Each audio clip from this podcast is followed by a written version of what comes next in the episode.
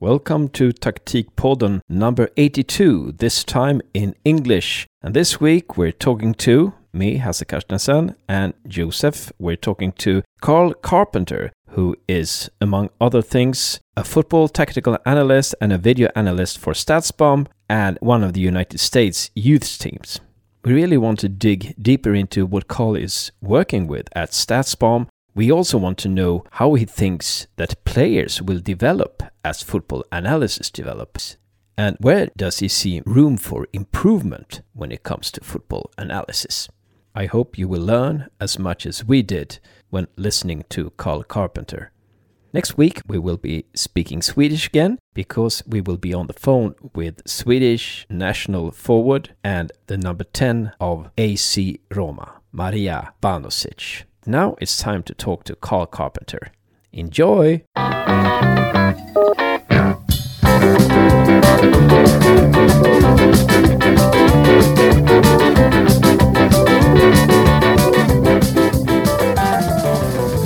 Welcome to Taktikpodden, Carl Carpenter. Hi, thank guys. Thanks for having me. Nice to have you as a guest. Where are you right now, Carl? I'm currently in Charlottesville, Virginia, which, uh, for listeners who don't know, I'm sure they don't know, uh, is uh, right on the East Coast, about uh, two hours away from Washington D.C. here in the United States. Thanks for joining us, and, and it's about it's about 11 o'clock uh, a.m. over there, and and it's uh, almost evening here in Sweden. I, I, will make a short presentation of you, Carl, but before I do that, welcome to Josef as well. Thank you. It's going to be fun to be hearing about Carl's sport. And Josef, you soon finished your bachelor degree in sports sciences in, in Växjö, Sweden, and you're scouting for different Swedish clubs as well. So, very welcome, uh, Josef. But uh, a short presentation of you then, Carl Carpenter. You're a football tactic analyst and a video analyst who are working for StatsBomb and one of the United States youth team you're writing articles for Analysis Evolved and Soccer Detail, and you have a very interesting Twitter account where you're not afraid to publish your opinions about different football matters. What do you say about that? Uh, anything to add or correct? No, I think you. Uh, I think you summed it all up for me. Yeah, that's pretty much um, pretty much what I do. You know, I work for for StatsBomb as a tactical and video analyst. Wear a lot of different hats. Um, and then when uh, the U17 U.S. national team meets up for their training camps, I'm there as a performance analyst. Very interesting. It will be interesting to talk about football tactics and, and analytics with you. Let's start somewhere and let's see where we end up. You're working with football analysis in many different aspects how is work different when you're working at StatsBomb compared to when you're working, for example, for the United States youth teams?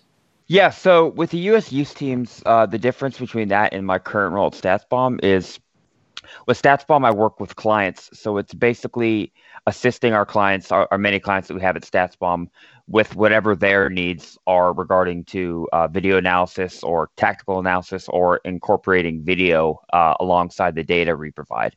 With the national teams, it's uh, it's much more team based. So I'm, I'm focused on our own uh, players and our team um, improvements. So I'm there with U.S. Uh, national team uh, recording training sessions, helping the coaching staff plan training sessions. Um, I'm live coding matches, so basically I'm clipping moments to send to the coaching staff so they can watch it during a game. Um, with StatsBomb, obviously, because I'm not working directly for a club, that sort of uh, hands-on and you know on the grass, I guess you would say, um, analysis stuff is is completely different. But I'm still getting the same levels of uh, providing my my insights into tactics and analysis um, in both ways. Can you decide what you want to work with on StatsBomb, or are they deciding? Are they sort of uh, sending you out on jobs? Yeah, so um, obviously with uh, the COVID 19 stuff, I haven't been able to move over to the United Kingdom yet. Um, so that will probably change in the future. But at the moment, a lot of the time is uh, because my background and my um, specialty is basically with video insights. Um, I work with a lot of our clubs that we um, that we have as clients and other, you know, outside the groups and inside StatsBomb, um, whoever needs help regarding um, basically contextualizing our data uh, that we provide into a format which is actionable. So, for example, if um, uh, an, an, analyst comes to me from one of our clients and says, "Hey, you know, we're looking at this metric. You know, how can you provide insight to that and what it looks like actually on the pitch. I would help them and uh, you know sending them clips for examples and say, okay, well this metric looks like this when it's on the pitch. So when an analyst shows that to the coaching staff or to the players, it's actually grounded in actual football knowledge. So something that they can potentially train rather than just looking at, you know, an Excel file and, you know, it does make sense to them. I see. I see. So what would you say that your speciality is when it comes to tactical analysis and video analysis? Would you say that you have a different aim or you, you have a speciality um, compared to other video analysts or? Uh, like like I said previously, I like to do uh, provide insights to coaching staffs, which are obviously objective. So that's linking data with video, but everything I provide is something that can be trained upon on the pitch. Mm. So I'm not going to show an example of a video for um, you know a player or something that's isn't really ap- actionable to something that they can train. And also, I, I don't like to show stuff to the coaching staff which might not exactly fit their game model. So if a team is extremely likes to play a deep block, for example, if I work for a team, for example, likes to play playing a deep block, I'm not going to show them clips of saying, "Hey, we need to high press in these moments." Or, you know, we can improve our high press. Our metrics aren't great in high pressing because realistically, they're not. That's not something that they're going to actually put into a match. So basically, that that kind of uh, insights takes time to build up with the staff. You know, I'm not going to, when I joined UVA and when I started first working with the U.S. national team, you know, you kind of have to build up a, uh, a rapport with that staff and basically say, okay, what kind of stuff are you guys looking for? Mm. Do you believe sometimes that your own football philosophy can not be a threat, but be something. Uh... Which clashes, for example, like something yeah, I disagree with the staff? Exactly. Yeah, so um, that's kind of the, the the hard line to toe as an analyst because you want to be able to actually make some kind of difference with your insights, but also at the same time you have to know when you're not overstepping your bounds. I mean, you're not. I'm not a coach. I mean, I, I do obviously have qualifications. I understand tactics like a coach, but my job is not to sit there and say, hey, I completely disagree with what you're doing. it's to provide the coaching staff with the insights that they need within the framework while also giving my opinion in a way which doesn't overstep my bounds. So, you know, I, I might, for example, this hasn't happened luckily for me in the past, but for example, if I were to work for it with a staff where I didn't like the way we were playing, I would show them objective evidence as to why I disagreed. But obviously, I would I wouldn't say it outward and say, "Hey, you guys are wrong." Um, so that's a very tough balance to to kind of go at. And in, in professional games, I mean, the objective sort of base with using data is something that's fairly new in, in football. So it's something that is still sort of being worked out um, um, across all professional levels about how to, you know, find the the, the perfect balance between coaching and uh, analysis. Yeah. Uh, let's talk a bit about your development then, Carl. Uh, which are the biggest analytical insights you've made during the last year or two uh, while studying and working? Yeah, so when I first started, uh, when I first started UVA, I was fairly fairly new with with data. I understood, you know, a lot of the very basic metrics like expected goals, something that pretty much everyone can can look at. But some of the more in depth metrics and metrics which are even now still uh, gaining traction within the professional game, I didn't have much understanding about how to combine those with what I knew for video analysis.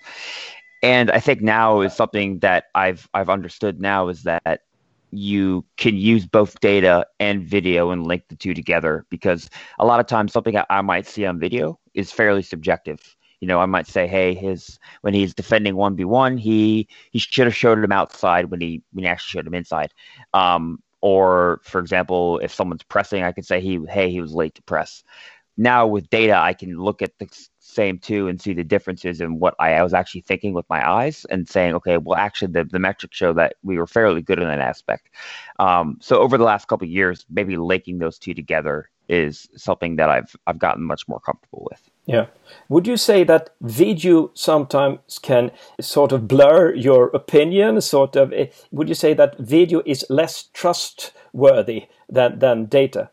I wouldn't say that especially. I think that if you you start with the video you can with the background and tactics and analysis you can see what things were developing so for um, if a team was exploiting the right hand side you can say that okay okay well they were you're definitely targeting our left back in you know for example switch balls or something like that.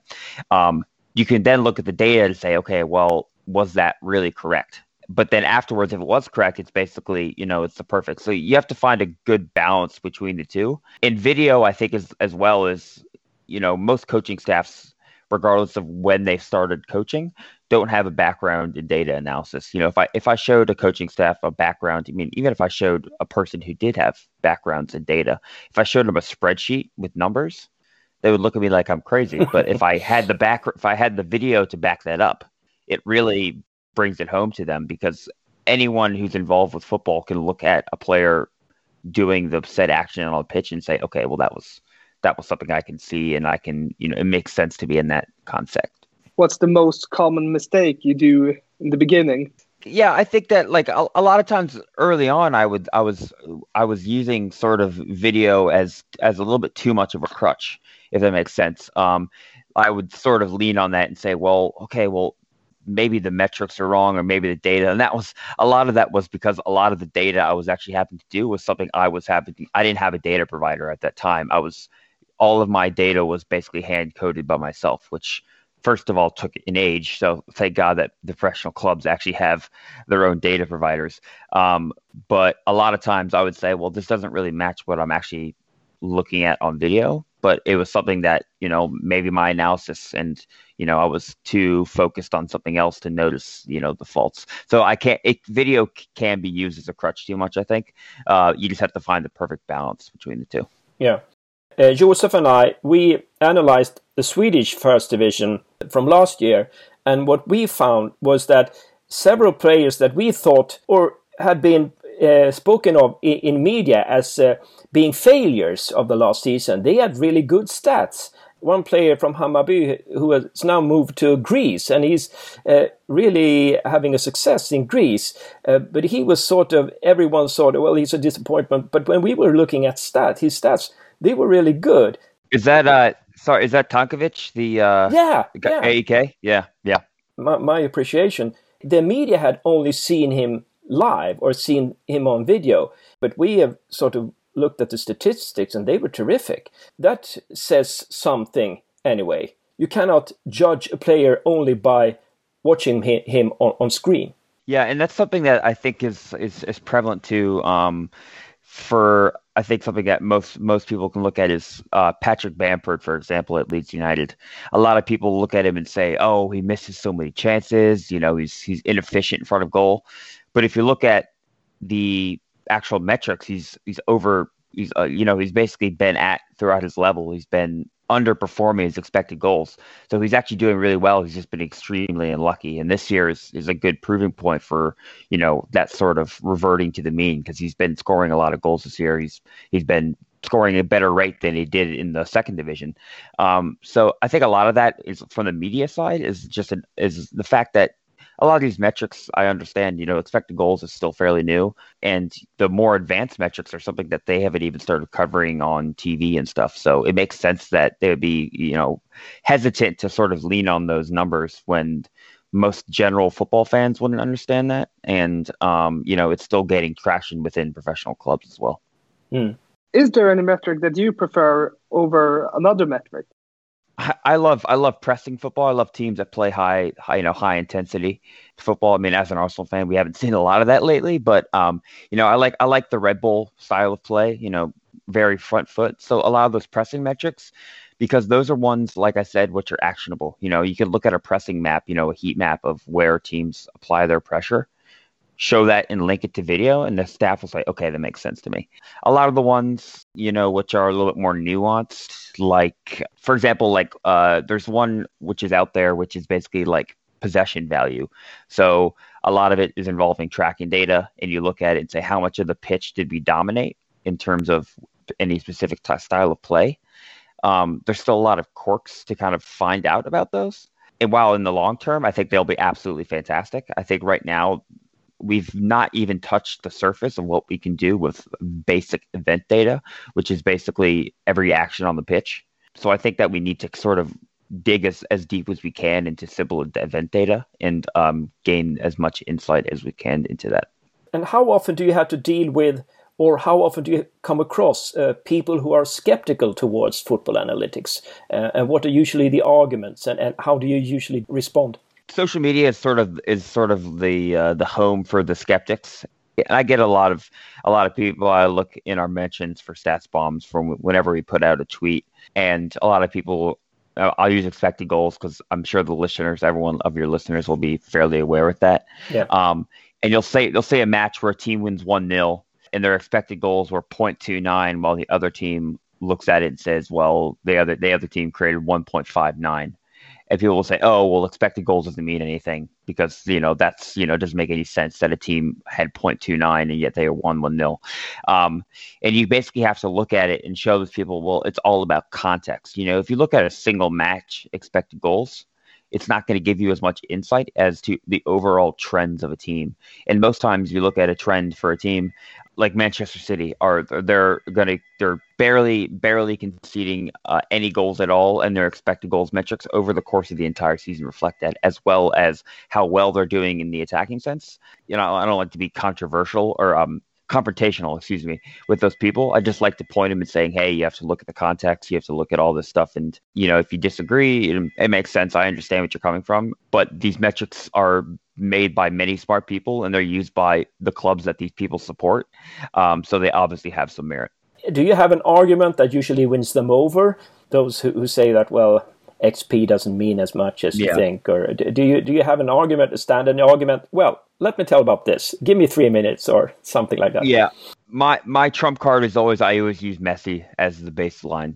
Um, so if basically anytime someone's building a metric or they're looking at metrics, if Messi is not the top of that list for productivity, for you know, you know, goal scoring, you know, how much they're doing on the pitch, you know, Messi's, you know, great at dribbling, how many chances he creates at dribbling. If Messi is not the the be all and end all for that list, there's going to be a problem with that metric, in my opinion. And luckily, a lot of the stuff we do at StatsBomb that is reflected.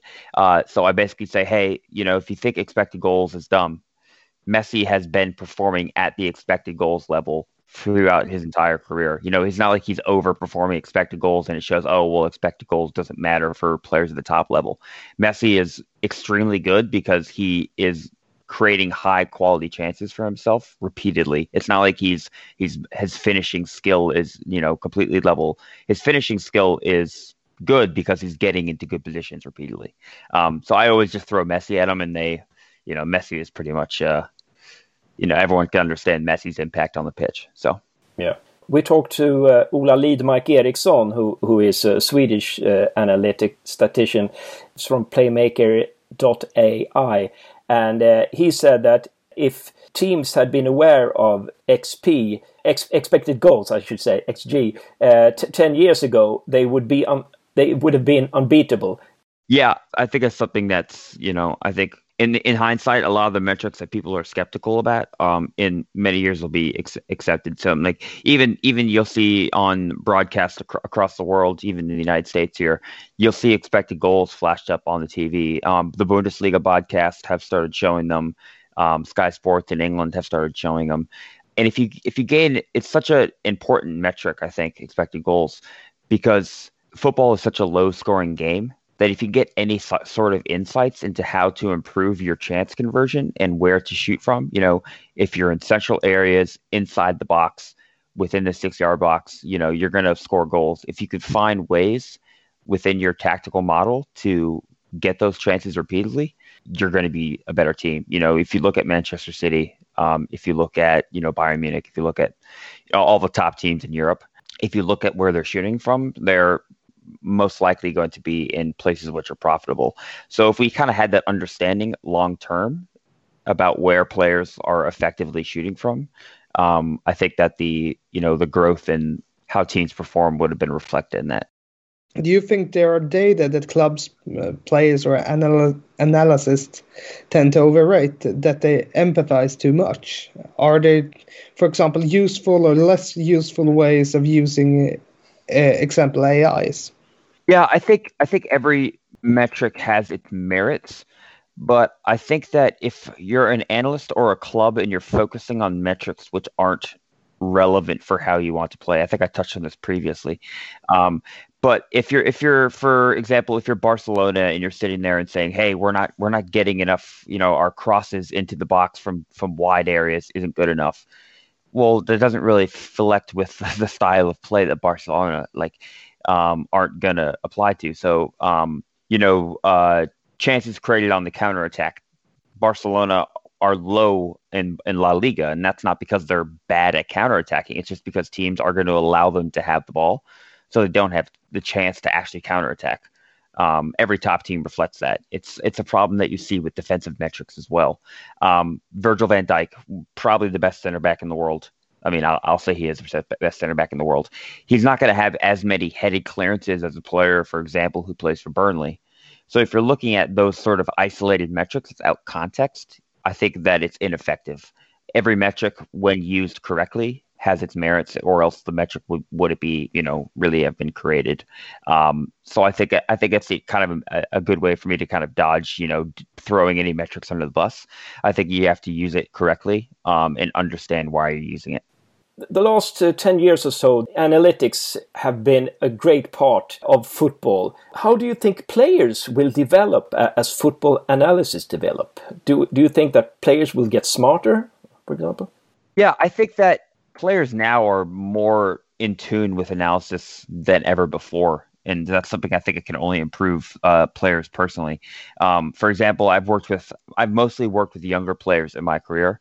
And so a lot of them are just getting into understanding metrics and, you know, how analysis is used in the game when I've worked with them individually on, you know, showing them clips and showing them, uh, you know, important metrics and data, they have a lot of questions. Um, you know, even even players that younger players, I've worked with U10 players, and they're you know they're watching clips of their own games, and I think anything that more eyes from the from their endpoint, other than just watching themselves in training, uh, can improve them. So if I showed a player, you know, video of saying, hey, you know, these are the chances that you're shooting on goal. For example, working with a striker, you know, I'm saying, hey, you're you're taking shots from this angle which aren't really reflective are, of chances that are going to be, you know, long term goal scoring.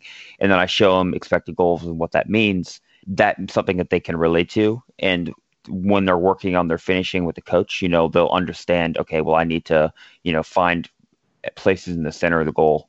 Uh, I need to shoot away from the keeper. I need to uh, recycle my runs and you know find central areas in the goal. Um, so I think long term that'll have an effect, and when they're eventually, hopefully, become professional players, when they work in the professional environment, and there's even more advanced metrics and more statistical data that obviously develops over time, they'll they won't be newbies to it. They'll understand it.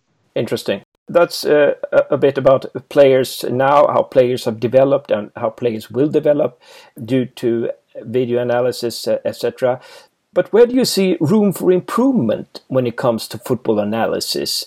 Are there fields where you feel that, well, we haven't covered this, we haven't find, found a, a, a system to, to measure this, these things on, on the mm-hmm. football mm-hmm. pitch? Yeah, I think I think the biggest thing for me is the defensive players. I mean, from my from my personal standpoint, something I'd love to see improved is how we reflect defensive players. Um, defensive players are basically they're affected dramatically compared to attacking players because of how we overrate offensive actions on the pitch. So if a defensive player isn't making a lot of tackles, isn't winning a lot of headers, you know, we're going to look at them with the raw data and say, okay, well, he's not as good as a player who says this. Meanwhile, if an attacking player is just because of the likelihood of them being on the ball more, they're going to have more actions and um, they're going to be, you know, rated subjectively or sorry, objectively that way. Um, StatsBomb 360, which we're releasing uh, in March, I think is something that I'm really looking forward to with that about our um, our GVA model, which basically looks at every single action on the pitch and sees how they reflect the goals valued added over time. So a defensive player makes a lot of tackles and make interceptions, but their positioning is also good. That will be reflected better than it was in the past. Um, so those sort of those blind spots are something that I think is something that um, data will be able to to change in long term. Mm. When, when Joseph and I, when we analyzed the, the Swedish uh, first division, uh, both uh, men and women, last year's results, so last year's teams, we, we found out that when we used Instat, for example, we found out that Instat promoted defensive players, while offensive players tended to come quite low on the lists. Is that your take on it as well? Yeah, I love Instat. Obviously, that's where I used to to use my to get my video, and I love Wyscout but their in-house coding and their metrics are something I don't take a lot of stock in. Um, that's just me personally. I mean, obviously, I think StatsBomb's the best for that sort of stuff because mm. you know I am a employee of StatsBomb, but I, I I think that their their metrics are something which aren't really reflective, and that's because of the fact that their actual codings are a lot of times incorrect. Um, for example, I've I was looking at a goalkeeper that we were looking to bring in when I was at UVA, and I was looking at what they considered to be uh, crosses claimed when it was basically just a back pass from a, a fullback, and that overrated them. You know, a shot which was considered to be a save was you know was actually a goal kick. It is very very strange codings, and it's it's it's something that's obviously hard when you have to deal with that amount of data. I mean, looking at it from behind the scenes of StatsBomb, we have a lot of data coming through every single day, um, so I can understand the difficulties with that. But it's hard to sort of with Instat and y Wyscout, they're basically trying to create metrics which aren't really reflective of other metrics out there. So I understand where you're coming from from that. You know, it's hard to it's hard to look at those sort of things. Yeah, because offensive players they tend to make more mistakes. They yep. lose the ball uh, more often than defensive players, and that sort of brings them down the table. yeah, a, a, perfect a perfect example of that is Trent Alexander Arnold, Liverpool fullback. In the final third, he loses possession all the time. That's not because he's a bad player. That's because he's making risky passes, which those you know one out of ten times is going to create a goal. Hmm. You'd much rather have that. If it, it'd be a different story if Alexander Arnold was giving the ball away, you know, right in front of his goal but he's doing it in places which you which are you understand are going to have long term value. Messi gives the ball away in the final third all the time because he's constantly dribbling, he's constantly trying risky passes, which are going to create you know over the course of a season 15 more goals than other people can create. Defensive players are going to be safe in possession. They're going to have 95% pass completion because they're not under pressure. So you have to find ways to contextualize a lot of those things and metrics that are coming out, you know, every single week are doing great jobs of you know reflecting that. Yeah, because the the odds are always against the offensive players. Uh, mm-hmm. So yeah. And maybe the penultimate question then. Uh, Scandinavia seems to be, be a blind spot on the map when it comes to football data. When we're talking to Norwegian coaches and Swedish coaches or English coaches living in, in Norway and Sweden, we always uh, finish on why are so many people in Scandinavia negative towards uh, football statistics, etc. Is that your opinion as well, uh, uh, that Scandinavia is sort of a, a blind spot on the map? I think a lot of it is the fact that certain areas, particularly, are are slower just to might be stuck in their ways. I think England has a big problem with this as well, um, but it's less so because of how widespread the you know people in China are watching Premier League, people in the United States are watching the Premier League. Sweden might be in that sort of sense, just because I think a lot of it is where the money is invested. There's uh, you guys can correct me if I'm wrong, but compared to other leagues, you know, Italy, Spain, um, a lot of the investment in those teams is from smaller sources. Mm. But you see people like uh, David Sumpter, you know, clubs that are like that with their outside investment. Those are clubs that have started adopting, sort of adopting those those data analysis trends. Mm. Uh, and that's something that we saw in England. You know, foreign investment they're more open to innovation than protect protect England is. So that's why data analysis in England is so big now. Uh, once Sweden starts getting onto the map in Scandinavia, you know, Norway, uh, uh, you can see the gains that will be made in that. Uh, StatsBomb, for example, um, one of our um, Ted Ted Knutson worked for FC Midtjylland, um, and they made huge strides with data analysis. Yeah. Yeah. Um, and now data is massive in Denmark, so it's going to take one one club to sort of make that that step, and then I think that Scandinavia will really see um, the huge uh, huge strides in that. Hmm. Thanks, Carl. Well, uh, Josef, maybe you could pose the final question then. Yeah. If you had a time machine and could go back five years and give yourself a skill or knowledge that you have now that you didn't have back then, what would that be? Ooh, that is a good question. Um, I said it at the start, and I think I'll say it again because I just started getting used to it. I think I would find better ways to make video analysis sessions not boring. Uh, when I first started off, I basically, even I, when I was started getting into about video analysis, I basically had a way of everyone sits in a darkened room, they all watch clips, the coach talks to them, and then they go out and train, or you know that's the end of it. I think there's ways that you can make everything interactive and that's something I did with UVA. It's something I did with the youth national teams. Um, is to make ways which video analysis sessions could be short and snappy, but still provide the same sort of insight as like a 45 minute session. Um, so asking them questions, you know, finding ways to make things competitive. So if you're saying, hey, we're going to work on our pressing in this game, if you win this, you know, that team wins a game at the end of the training session. So I think trying to find ways which players remain active when looking at video, and that can also be applied to when they're looking at data. You know, visualizations have found um, ways to actually get players on sides to looking at data. So I think that's something. If I looked at five years, I would say, hey, find ways to make your video analysis sessions and the insights you provide with staff to be uh, more effective. Interesting. So you've become a, a better presenter, a better teacher yeah, my my my uh, my skills in front of talking to an audience are uh, much better than they were when I started off. yeah. Well, it's been really interesting talking to you, Carl Carpenter, and uh, we wish you all luck in the future. And hopefully, we can get back to you in a couple of years and see where you are. Yep. Thank you guys for having me. It was great to talk to you guys. Well done, Joseph. Thank you, Hansen. Thank you, Carl, for Thank you, Joseph. participating. Yep.